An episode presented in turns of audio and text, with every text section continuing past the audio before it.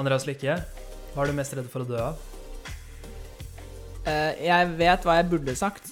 Uh, jeg burde sagt uh, antibiotikaresistente bakterier. Fordi at det er det jeg mest trolig kommer til å dø av. Hvis jeg har flaks. Eller uflaks. Jeg vet ikke. Jeg Men tror, det er et jeg tror vi kalte det uflaks. Ja, det er et økende problem. Det er definitivt et økende problem, og jeg tror et annet problem er at veldig få mennesker vet hva det egentlig er. Um, så i denne episoden av I dag lærte jeg, så håper jeg at jeg lærer noe om antibiotika og antibiotikaresistens, Og bakterier. og gjerne litt om bakterier. Eh, mitt navn er eh, Sindre, jeg studerer organisk kjemi, og hvem er du? Jeg heter Andreas Lykke, eh, og jeg studerer bioteknologi og syntetisk biologi. Og i, i, i det vide og det brede så kan du litt mer om bakterier enn meg, eh, og jeg kan litt mer om materialer enn deg, eh, og vi kan veldig lite om samfunnsfag. Nei, nei, men jeg, jeg kan ganske Jeg lite kan en del om samfunnsfag. samfunnsfag, så ikke kom her. Jeg kommer her allikevel, ja. Eh, det jeg tenkte vi skulle snakke om nå, eh, det er eh, om hva i huset er bakterier, hva er antibiotika, hvorfor er antibiotika viktig, eh, og hvorfor er det sånn at vi i, i nå, kanskje etter 2010 eller kanskje etter 2005, eh, opplever at eh, vestlige europeiske dør som et resultat av bakterieinfeksjon, for det har helt ærlig ikke vært en, re en reell greie siden krigen. Ja, det er jo. Det er jo interessant eh, Vi snakker jo Akkurat nå snakker vi veldig mye om klima, da. Eh, en del folk snakker også om liksom kunstig intelligens og sånne ting. Men eh, jeg er litt sånn redd for at vi kanskje overser noe som er en potensiell Veldig stor trussel mot uh, altså måten vi lever på i dag, da. Som er uh, altså antibiotikaresistente bakterier, og da rett og slett at antibiotika slutter å funke. Og, og du som kan litt mer om det her, må, må starte hele showet for meg. fordi eh, hvis vi skal snakke om dette, så må vi snakke om bakterier. Eh, og jeg vet at det finnes bakterier i For mennesker så er det i to hovedkategorier. Det er patogene og ikke-patogene bakterier. Ja. Hva er det? Eh, patogene bakterier eh, er jo de bakteriene vi er redde for, da, altså sykdomsfremkallende bakterier. Eh, de er det faktisk ikke så veldig mange av. Eh, de er eh, i et stort undertall. Det er jo da bakterier som eh, pro som regel produserer eh, ting som eh, er skadelige for oss, da, altså rett og slett sykdomsfremkallende. Eh, De aller, aller fleste bakteriene er ikke-patogene, og de, veldig mange av dem lever vi også da i såkalt symbiose med. I kroppen vår så har vi flere bakterieceller enn menneskeceller, så man kan argumentere for at vi, at vi er ikke bare en organisme, men et økosystem. På akkurat som havet, jordkloden, alt annet, så er eh, altså de levende dyrene eh, inkludert mennesker, da viktige økosystemer for, eh, for bakterier og, og mikrobielt liv. Da. Og eh, det som er annet ting som er interessant, er man snakker jo ofte om hvor mange celler det er, men eh, vi, da, vi har jo da et genom med et gitt antall gener som produserer masse proteiner og lar oss, lar oss spise maten vår og lar oss egentlig leve. Men i kroppen vår så har vi 500 ganger så mange bakteriegener som vi har menneskegener. Og disse bidrar til veldig mye, da spesielt eh, i fordøyelsen, da, og i, eh, de hjelper oss å bryte ned eh, ting som kroppen ikke ville gjort ellers. Og det er jo litt eh, derfor eh, man skal være litt forsiktig med antibiotika, for en del antibiotika kan da ta knekken eh, på vårt naturlige mikrobiom, da, som heter, altså bakteriene som bor i oss, som vi vil ha i oss, altså de såkalte snille bakteriene. Ikke-patogene. Ikke-patogene De som jeg krever for å bryte ned maten min hver dag. Ja, altså sånn Hvis du Man kan Dette er jo en forenkling, eh, og vi kommer til å jobbe litt med forenklinger her, eh, fordi at eh, vitenskap er ikke noe eksakt vitenskap, som jeg liker å si. Eh, Så det er ofte at eh, det vil alltid finnes unntak til enhver regel, men i det store og hele så kan man vel si at uh, hvis du ikke hadde hatt noen bakterier i kroppen din, så hadde du hatt et særdeles ubehagelig liv, og jeg er usikker på om du hadde hatt noe liv i det hele tatt. Og vi kan jo starte der. Bakterier de er per def levende. Eh, Definitivt. Og bakterier er encellede organismer. Så i motsetning til ja, Nå har du nettopp fortalt meg at jeg har flere bakterieceller enn menneskeceller i, i den periferien som er min kropp. Ja. Eh, men, men eh, bakterier er encellede. Og hva er det som gjør at en bakterie kan gi meg sykdom? Eller hva er en bakterie, en encellet liten skapning? Mm. Eh, ja, bakterier er jo da, som du sa, encelleorganismer. De er eh, imot, det der da i motsetning til flercelleorganismer, som typisk eh, alt vi kan se, da, altså insekter, fisk, mennesker, andre pattedyr, er jo klassiske fleseorganismer. Det finnes også ganske mange mikroorganismer, som, altså små organismer, um, som består av um, flere enn én celle.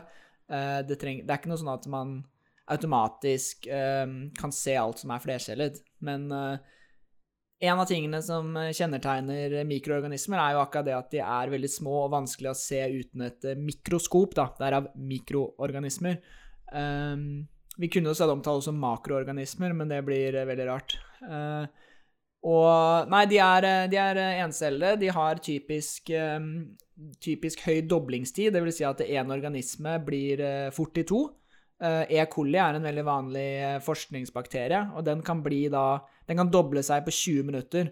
Så bare en enkel bakterie, enkel bakterie, E. coli, kan på, på et døgn bli et ekstremt høyt antall uh, bakterier. Og det, det, er sånn hvis du har latt det gå en uke, så tror jeg det hadde blitt flere bakterier enn liksom det er plass til noe på jorda. Så det er jo liksom plassbegrensa. Ja, det er jo plassbegrensninger og konkurransedrevet. Ja. Men det viktigste um, å, å, forstå er jo da at de er um, De har alle karakteristikkene til uh, en levende organisme. Det vil si at de kan uh, utvikle seg, de kan bygge opp og bygge ned molekyler. De er da de har evnen til å på en måte du kan, du kan, jo på en måte kalle det spise, men uh, Tar til seg næring? Ja. De kan, de kan, bygge opp og bygge ned makromolekyler, da, som vi sier. Um, og de har da uh, også evnen til å utvikle seg, og de har da evnen til å um, produsere avkom, da, kan man si. Uh, man, mye, av, mye, av, det avkommet er jo da kloner, og det er da ikke-seksuell reproduksjon, sånn som vi har. De bare deler seg i to eh, like datterceller, da. Eh, men de kan, også, mm, de kan også overføre gener mellom eh, hverandre. Det heter såkalt horisontal genoverføring, og det skal vi komme tilbake til. Ja, fordi jeg tror Jeg forstår litt mer om hva bakterier er, men vi må bare hoppe rett på hvorfor er folk gira på antibiotika. Fordi det finnes disse patogene bakteriene, de vil du ikke ha. Og de, de kan gi deg ikke bare liksom, De kan ikke bare gjøre deg forkjøla og dårlig de kan, de kan, være ganske dødelige, og det har de vært i altså, tusenvis og tusenvis av år. Kanskje alle alle Altså, har det eksistert liv, så har det eksistert bakterier. Og kanskje i løpet av den tiden så har det eksistert patogene bakterier for noen organismer. Bakterier er jo veldig De er jo flere milliarder år gamle. Eh, de var jo de første Altså ikke bakterier, men bakterier var blant de første livsformene som utviklet seg på jorden. da. Og mm, og ja, som du sier, der det er liv, er det bakterier, og egentlig så er det bakterier Det er bakterier så å si overalt. De kan leve i ekstremt høy saltkonsentrasjon, i nesten kokende temperaturer. De kan leve i verdensrommet uh, utenpå en romferge. Altså, det å ta knekken på bakterier uh, er vanskelig, da, uh, men det fins måter å gjøre det på. Og tidligere så var det jo sånn at hvis du bare fikk et lite kutt i fingeren, så kunne du få en bakterieinfeksjon i det. Og siden vi da ikke hadde antibiotika, så var du vel egentlig avhengig av at kroppen din klarte å drepe bakteriene.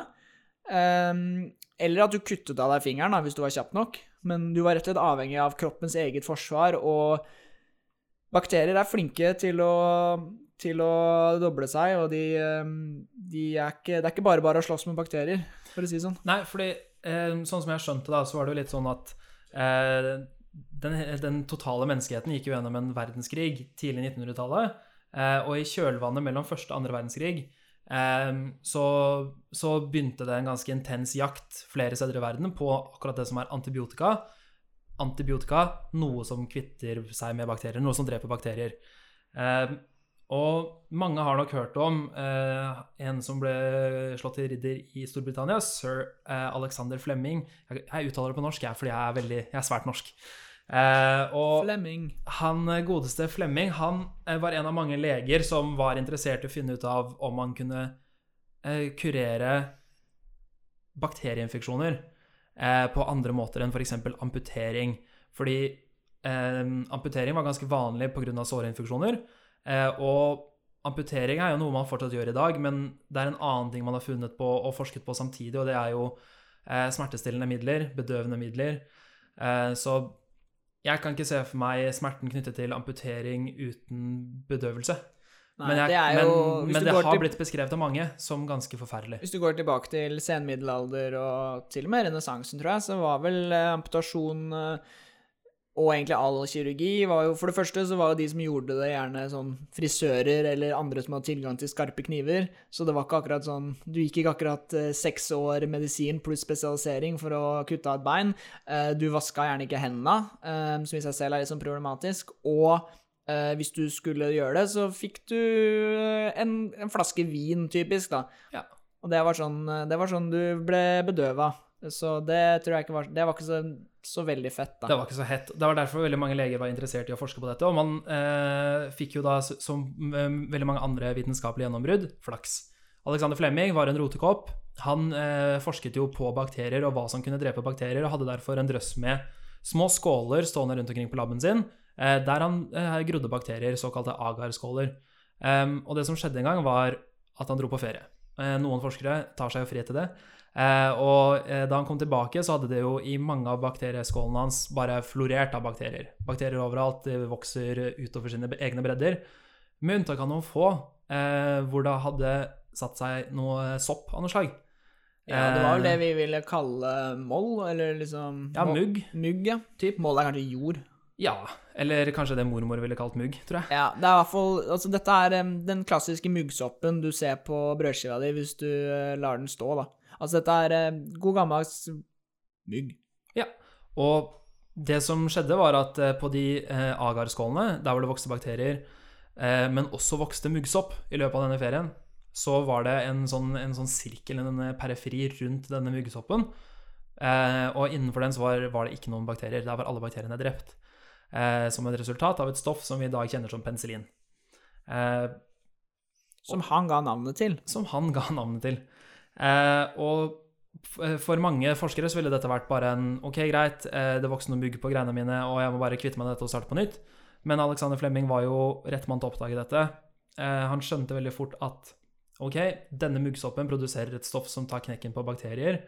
Kanskje jeg har oppdaget antibiotika. Eh, dette skjedde i 1928, hvis jeg husker riktig. Eh, og ehm, det Flemming gjorde da, sammen med sitt team, var å fortsette å forske på dette. Masse, masse, masse forskning, Eh, og ja Han kom til et visst punkt hvor han klarte å kurere mus og rotter eh, fra bakterieinfeksjoner. Men det var, det, største, det var den største organismen han klarte å kurere fordi muggsoppen han avlet opp, produserte lite penicillin. De hadde vel på et tidspunkt faktisk en fyr inne som de prøvde å kurere, um, som de eh, injiserte med, med intravenøs eh, penicillin.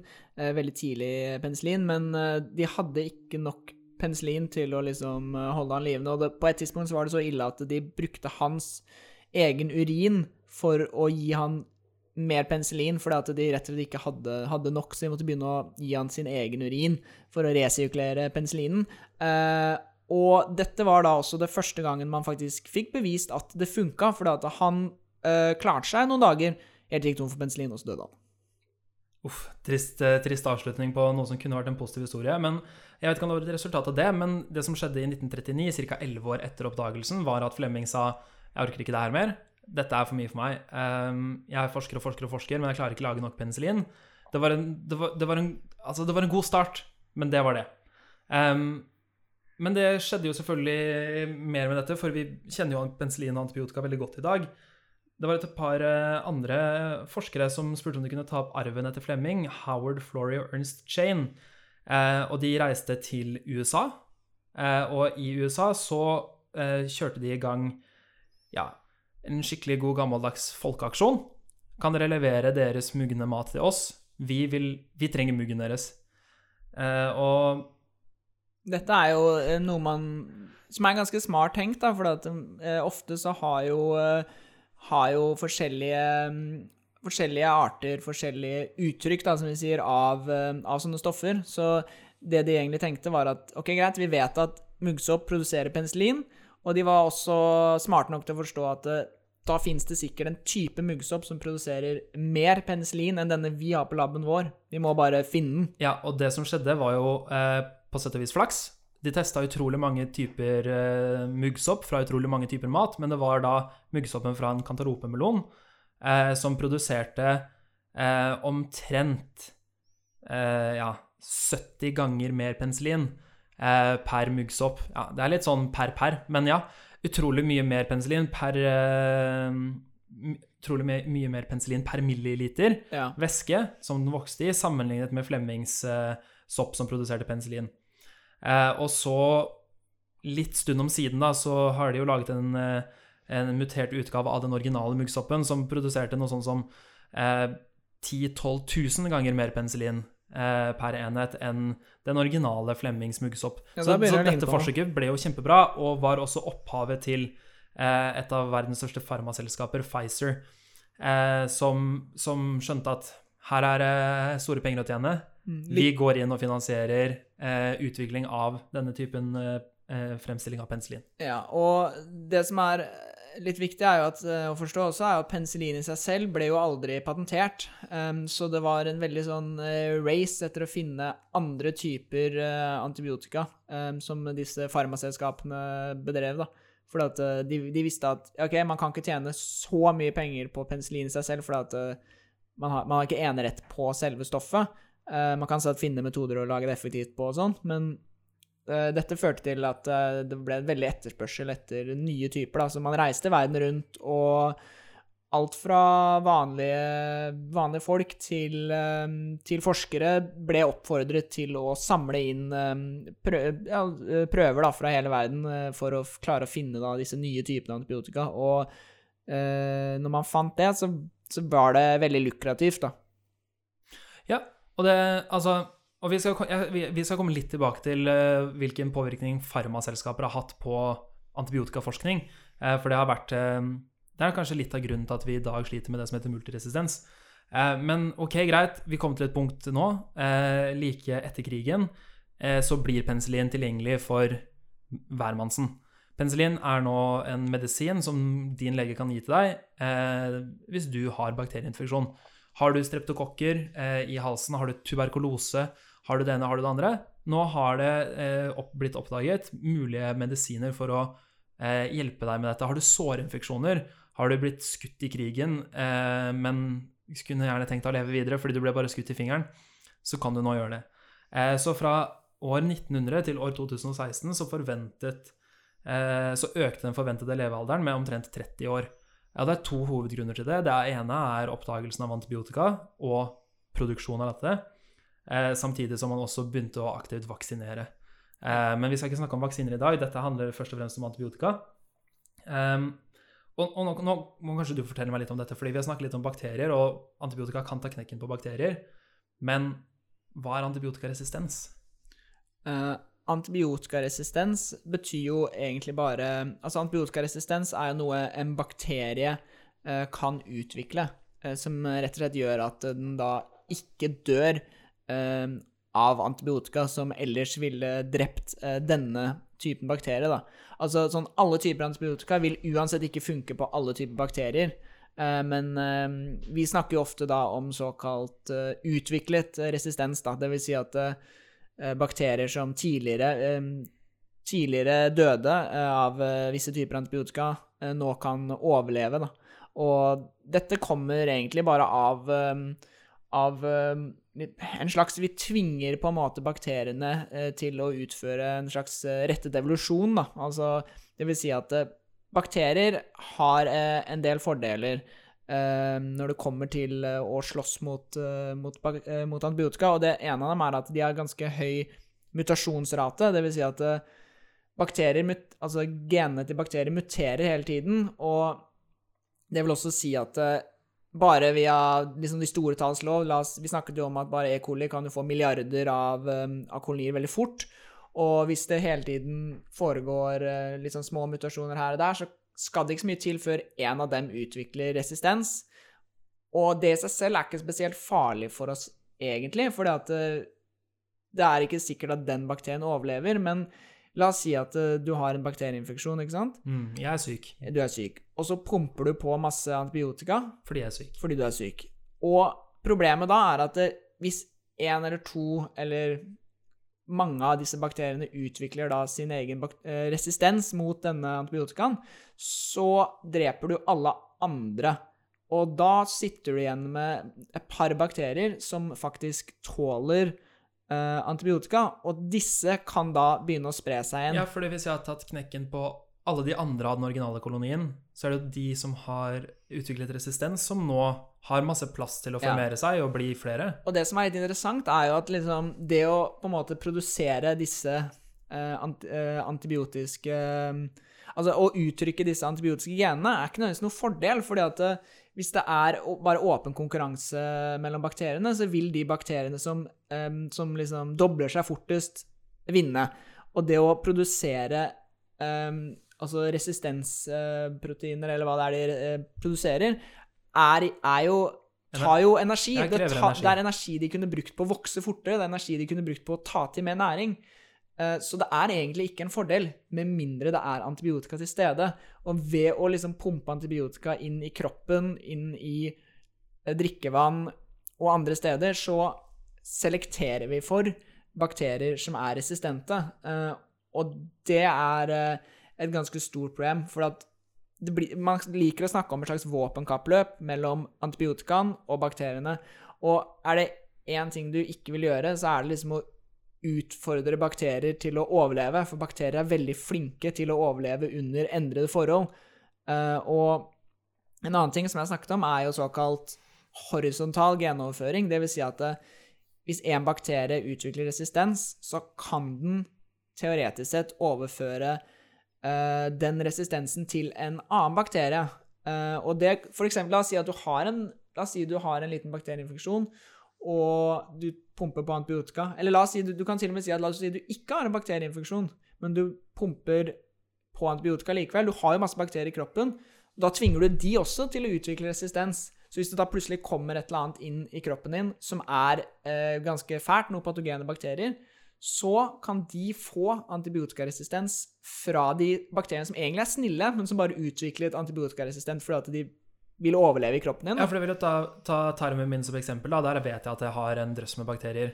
Og hvis de bakteriene som lever i min tarm i harmoni med meg nå, har utviklet eh, en slags resistens mot, resistens mot f.eks. penicillin, fordi jeg har gått på penicillinkur et par ganger eh, Hvis jeg nå får patogene bakterier i tarmen, så kan de kanskje jeg, jeg, i hermetegn arve eh, resistensuttrykk fra Ja. mine allerede harmon, harm, harmoniske bakterier. Jo, det er jo en nyere forskning som viser at eh, altså Man kan overføre gener mellom forskjellige arter, da, forskjellige bakterietyper. Fra streptokokker til staffelikokker, Eller kanskje jeg ikke skal ta noe eksempel, men Nei, allikevel. Det, altså, igjen, med mikrobiologi, det er mye variasjoner her, men det man har bevist, i hvert fall, er at det er mulig for bakterier å overføre resistensgener eller andre gener fra en bakterie til en annen. Igjen, som sagt, vil ikke dette skje hvis det ikke må. Så hvis du ikke, hvis du ikke tilfører antibiotika i systemet, så er det ikke noen fordel for bakteriene å utvikle resistens. Mm. Ok, og så Da vil jeg ta et lite historisk tilbakeblikk igjen. fordi Alexander Flemming fikk nobelprisen i medisin for sin oppdagelse og ja, forvaltning av eh, penicillin og antibiotika. Eh, og han advarte allerede i nobeltalen sin, nobelpristalen sin, jeg vet hva det heter, eh, om at eh, vi, må, vi må være litt forsiktige her. Vi kan ikke bare bruke antibiotika når vi føler for det. Hvis vi skal bruke antibiotika, så må vi gjøre det riktig. Eh, For nå har vi kommet til det punktet hvor vi har multiresistente bakterier. MRSA er et ord jeg har hørt. Hva, hva er det? Eh, det betyr vel eh, Betyr det metisilinresistent staphylococcus aureus, tror jeg? Det vil basically bety at eh, det er en type staphylococcus-bakterie, som, altså stafylokokker, som har da utviklet resistens. Dette er bakterier som i utgangspunktet i gamle dager var bare å liksom kjøre en kjapp penicillinkur, og så var du frisk igjen. Men nå har de da av eh, konkurranse mot antibiotikaen klart å utvikle resistens, og de er mye vanskeligere å ta knekken på. Det er fortsatt noen ting man kan gjøre, men eh, det er bare et spørsmål om tid før de også utvikler resistens mot de her. Også, de er ikke like effektive, de andre metodene. Altså, I gamle dager så var penicillin mye mer effektivt enn det man kan gjøre i dag. Riktig. Eh, Og det er så- smittsomt. Det, Det er som- særdeles smittsomt. Ja, fordi bakterier i seg selv er jo smittsomme. Ja. Men de fleste eh, immunforsvar, kroppens naturlige forsvar mot sykdom, tar knekken på en del av dette. Når jeg er frisk og du er frisk, og vi snakker med hverandre nå, kanskje vi gir hverandre litt dråpesmitte og kanskje potensielt utveksler bakterier, men jeg blir ikke syk av den grunn. Det er jo derfor man eh, vaksinerer. Er jo for å styrke kroppens immunforsvar. Det var derfor jeg tok jo en BCG-vaksinen, som var eh, mot tuberkulose. Eh, den har man egentlig sluttet med, men eh, vaksi vaksinasjon skjer Men også du er veldig gammel, ikke sant? Ja, jeg har ikke tuberkulose heller. Det er veldig bra. Eh, ok, fordi det, vi, det, som, eh, det, det som er helt naturlig å spørre seg om, er jo Ok, greit, i, i si 1945-1950 spesielt, da, så var det ikke lenger så farlig å få bakterieinfeksjon. Eh, barnedødeligheten eh, ble nesten utslettet som et resultat av bakterieinfeksjon, i hvert fall, i, i Vesten. Men nå igjen, da, i 2009, så var det en nyhetssak i Sverige hvor tre barn eh, som ble født på et svensk sykehus, døde som et resultat av multiresistent bakteriell infeksjon. Um, og hvorfor er det blitt en greie nå? Hva, hvordan liksom Hvordan sprer eh, og utvikler resistens hos bakterier seg? Eh, og hvorfor er multiresistens en greie nå? Ja, altså, det var litt som vi snakket om i stad, at det, det, jo, det var jo et spørsmål om tid, kanskje, spesielt med tanke på at i veldig mange land eh, Norge er et foregangsland i eh, å begrense antibiotikabruk. Vi er veldig flinke på det, faktisk. Men veldig mange land så har det vært liksom tradisjon for at liksom Er man sjuk, så gir man antibiotika. Og ja, da blir det veldig mye antibiotika i omløp, som igjen da utfordrer bakteriene til å, til å overleve, da. Og okay, de ja, overlever ved å utvikle resistens. Ja, fordi det ikke all sykdom er forårsaket av bakterieinfeksjon. Nei, det er også virusinfeksjoner, og det er, det er jo andre ting også. Det er autoimmune sykdommer, Ja. men det kan vi trenger ikke snakke om i dag. Men poenget er uansett, du skal ikke gå på antibiotika når du er syk, du skal gå på antibiotika når du har bakterieinfeksjon. Ja. Og det, den, den loven har ikke blitt overholdt i, de, i veldig mange land. Så man eh, Ja, altså, føler seg er- litt syk, så får du antibiotika. Ja. Ikke nødvendigvis av legen din heller, fordi det er jo en del land hvor du bare kan kjøpe dette på Rema. ja. Eller det landets Rema. Jeg hørte at Frankrike var et av de landene som hadde helt klart mest antibiotikabruk for noen år siden. eh, og et av de som faktisk har klart å da redusere den ved å kjøre mm, De kjører holdningskampanjer eh, hvor de da hadde De hadde da tatt um, Jeg tror de har tatt sånn som man skriver ut resepter på. Og først så står det sånn Ja, du er sjuk, men trenger du egentlig antibiotika? For en del land så har det jo har det vært sånn at eh, folk um, er, Folk føler på en måte at de, de er ikke sjuke nok hvis de ikke må ta antibiotika. Altså, de får dårlig samvittighet for å ta fri fra jobben, for eksempel. Um, så man må faktisk si og, så man må faktisk si til dem sånn Ja, greit, du er sjuk, men du må ikke ta antibiotika. Du kan ta fri fra jobben. Og bare det det har hjulpet i en del land. Bare det å, det, det å bygge holdninger, da. At man ikke, ikke Det er ikke noe automatikk i det. Sjuk er lik antibiotika. Jeg kjenner jo også folk selv som har vært litt sånn Følt seg litt dårlig og poppa et par antibiotikatabletter som de har hatt liggende. Og det er, eh, det er akkurat de tingene som på en måte kan kan føre til at eh, det, at det blir overforbruk av antibiotika, som igjen øker eh, trykket på bakteriene for å utvikle resistens. Ja, for det vi har gjort da, siden antibiotika var mulig å få tak i, er jo å skape et miljø i våre egne kropper Mm. der bakterier som ikke bruker tid på å bare formere seg, men også bruker tid på å uttrykke antibiotikaresistens, er de som overlever. Eh, og sier jeg har bakterier hos meg som har resistens mot antibiotika type A, eh, og jeg får en eh, Og jeg hoster litt på deg, og så får du, får du litt av denne patogene bakterien. Mens du kanskje har noen bakterier hos deg som er resistente mot antibiotika type B. Og så har du denne da horisontale overføringen, eller andre måter å, eh, å gi denne uttrykket på. da. Og til slutt så er det jo det Til slutt så ender du opp igjen med en verden der hvor de multiresistente bakteriene, som er resistente mot flere typer antibiotika, er de som er mest konkurransedyktige. Ja, og vi har snakket mye om eh, altså antibiotikaresistente bakterier, og det er, det er viktig, men en annen ting som kanskje er viktig å forstå, er at eh, antibiotikakurer er, eh, er ikke bra for deg på, av andre grunner. Altså, du, som jeg snakket om, du har, du har et mikrobiom, du har masse bakterier i kroppen din, og ved å gi, ta en antibiotikakur, så vil du drepe mange av disse bakteriene. Og dette er bakterier som du, som du trenger, og som gjør veldig mye viktige ting for deg, og det har, blitt bevist at liksom økt antibiotikabruk eh, er veldig Det, det medfører fedme. Um, autisme har, eh, har, man snakket om at kan komme av eh, forstyrrelser i mikrobiomet. Og en del andre ting som man, det er dette ting man ser på veldig nå, er sånn Hva skjer hvis man fjerner uh, din naturlige bakterieflora? da? Og, og, spesielt fedme er, er, er et interessant uh, problem. For, ja, for det går an å avle frem mus som ikke har noen naturlig bakterieflora? Det stemmer vel? Det vil jeg tro, uh, hvis de er, lever sterilt nok, så. Men jeg tror de er ganske, ganske de er ganske dårlig stand, tror jeg. Jeg tror ikke de er spesielt bra. Og vi snakker jo en, Bare for, for å liksom uh, nevne en ting angående det med fedme og sånn, er jo at Som jeg ikke visste, som jeg fant ut når jeg gjorde research det her, er jo at man vet jo at man bruker um, antibiotika i husdyrhold. Uh, man bruker det når man uh, Spesielt i kylling, da snakker man mye om antibiotika. Og jeg trodde at man gjorde det fordi at de er, bor så nærme hverandre og blir syke at, av at de smitter hverandre. Og det er bare faktisk litt av historien. Eh, fordi at å gi antibiotika til kylling, eh, noen typer antibiotika spesielt, medfører at de legger på seg mye fortere. Og det er altså, altså sånn, i, i, i, kylling er jo det veldig bra, for at man Eller det er jo noe på en måte en kjøttprodusent er jeg glad for, for da får du mer kjøtt per dyr, og fortere. Eh, og, men det er jo da en av de store eh, uromomentene, da. Eh, akkurat det at de um, har gitt så mye Gitt så mye antibiotika til um, til slaktedyr at det har da spredd seg i befolkningen. Jeg hørte om et eksperiment hvor de, hvor de hadde tatt en familie på en kyllinggård, altså en ikke en ikke-bondefamilie, og så på en måte gjort dem til kyllingbønder en liten periode. Og da var det to populasjoner med kylling. Det var da kyllinger som fikk antibiotika, og kyllinger som ikke fikk antibiotika. Og ikke overraskende så ble det åpenbart en del antibiotikaresistente bakterier på disse kyllingene som fikk antibiotika. Men det tok ikke lang tid før de andre kyllingene også hadde antibiotikaresistente bakterier.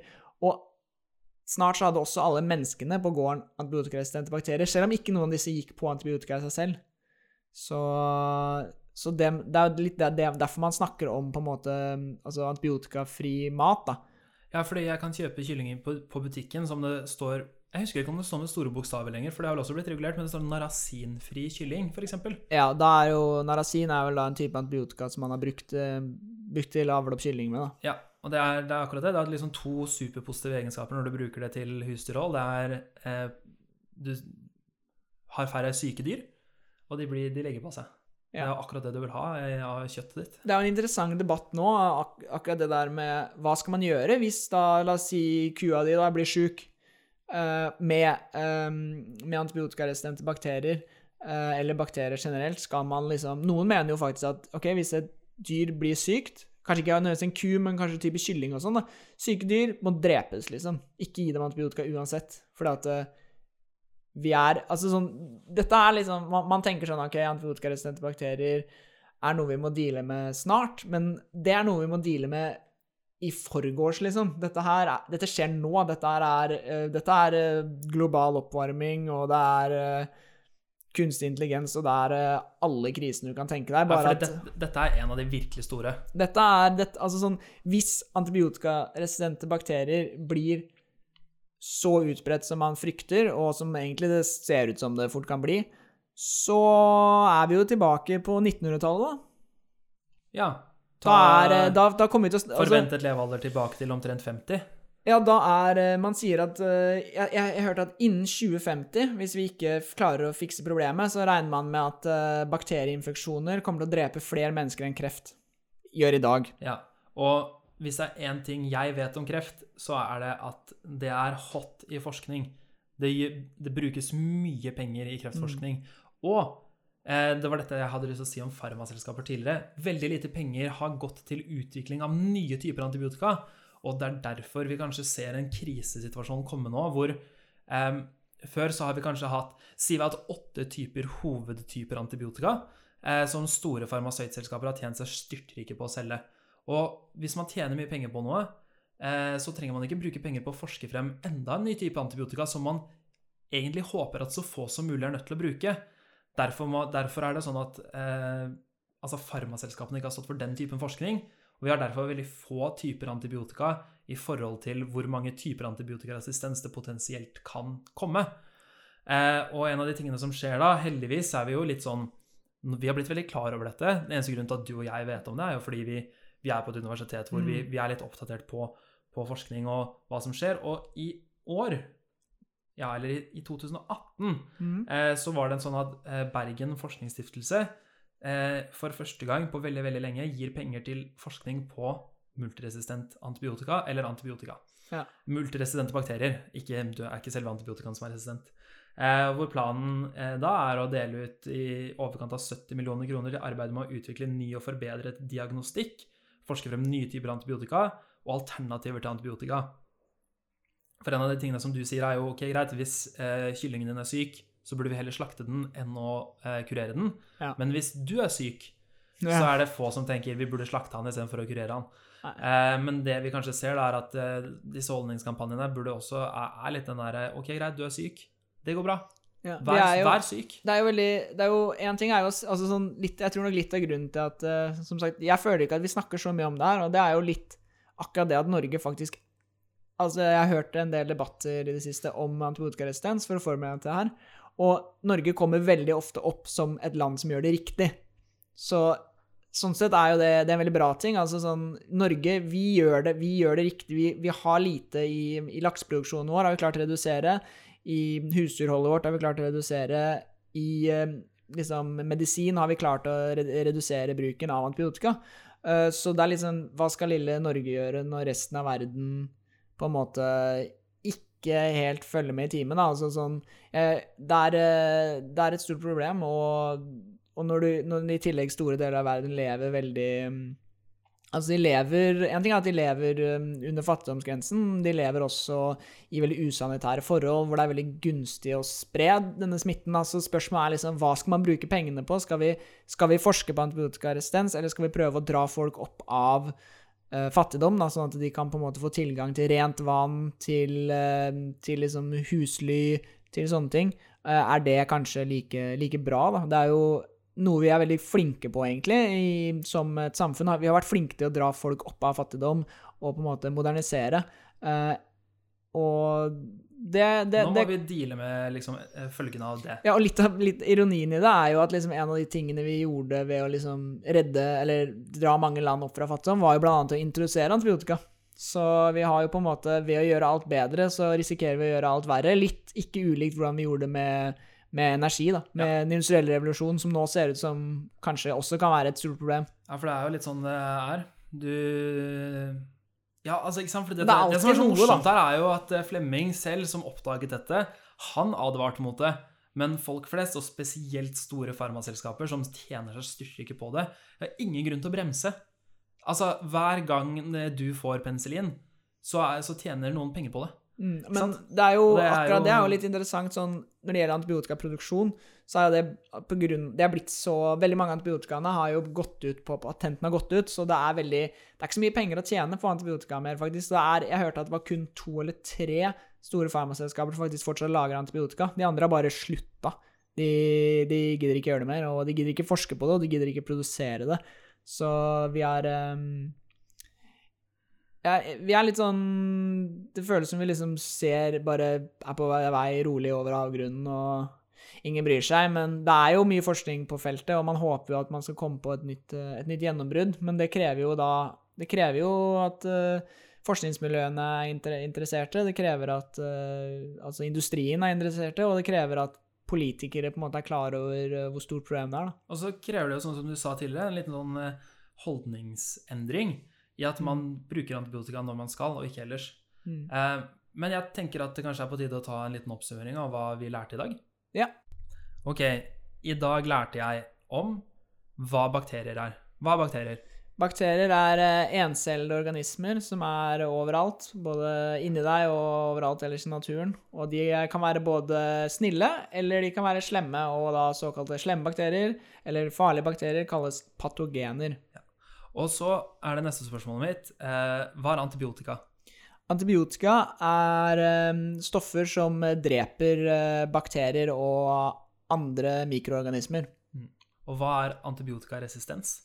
Antibiotikaresistens er eh, noe bakterier kan få, som gjør at de da ikke dør av antibiotika som ellers vil eh, ta knekken på dem. Og resistens det er noe som kan spres mellom bakterier.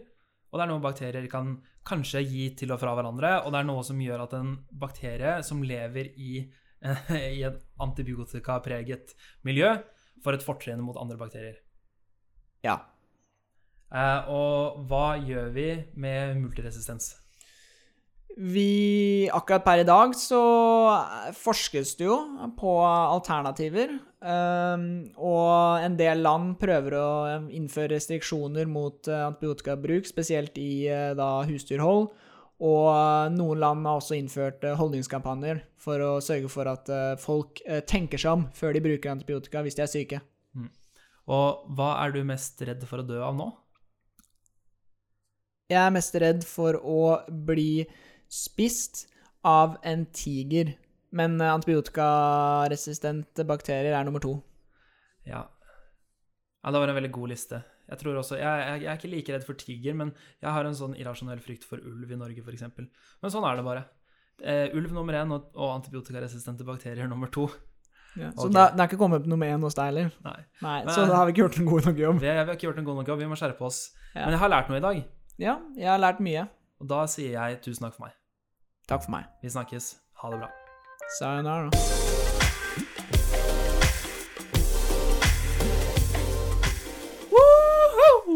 Dere har nå hørt den første episoden av I dag lærte jeg.